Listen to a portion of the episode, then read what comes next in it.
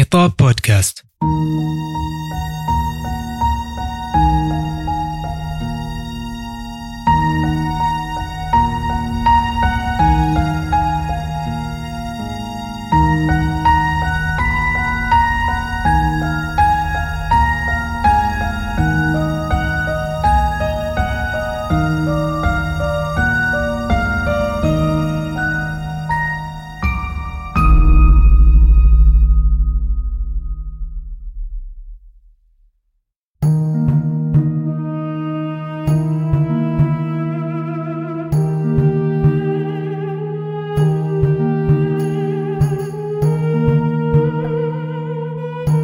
وبعد أن أحكمت شهرزاد خطتها وأيقنت أن الملك منصت لما تقول باشرت في رواية القصة.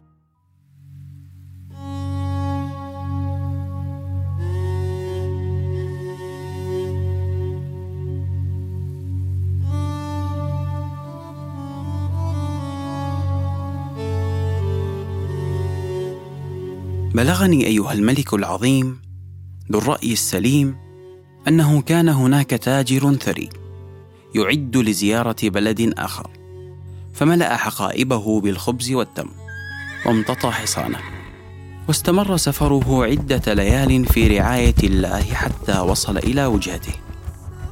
وعند الانتهاء من زيارته توجه عائدا إلى وطنه.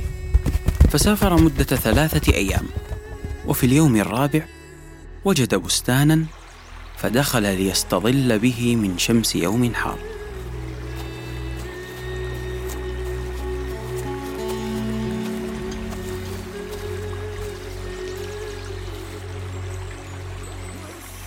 جلس على ضفة جدول الماء تحت شجرة جوز وارفة الظلال وأخرج بضعة أرغفة من الخبز وحفنة من التمر. وبدأ يأكل ملقيا نوى التمر عن يمينه وشماله حتى اكتفى. ثم نهض وتلا صلاته. وما كاد ينتهي من صلاته حتى رأى أمامه جنيا كبيرا ممسكا بسيف في يده ويقف بقدميه على الأرض ورأسه تناطح السحاب. صاح الجني انهض حتى أتمكن من قتلك بهذا السيف كما قتلت ابني. فزع التاجر وقال أقسم بالله أنني لم أقتل ابنك. كيف حدث ذلك؟ عندما كنت تلقي النوى كان ابني يسير بجوارك فأصابته واحدة وقتلت.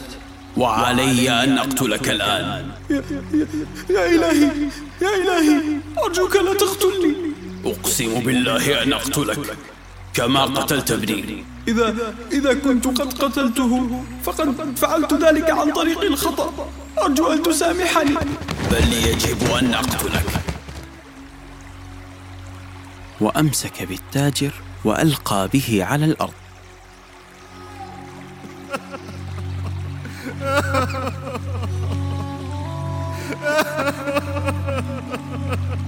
بدأ التاجر في البكاء على زوجته وأبنائه.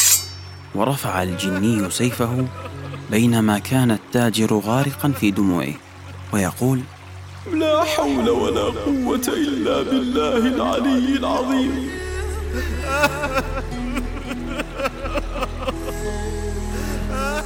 اقترب طلوع الصبح عند هذه النقطة من القصة فسكتت شهرزاد تاركة الملك شهريار يتحرق شوقا لسماع باقي القصة. وقالت دينار زاد لأختها. يا لها من قصة غريبة وجميلة. فردت شهرزاد إنها لا تقارن بما سأخبركما به ليلة غد. هذا إن أبقى الملك علي وتركني أعيش. فالقصة ستصبح أفضل وأكثر إمتاعا. فكر الملك سأبقي عليها حتى أسمع بقية القصة ثم أقتلها في اليوم التالي.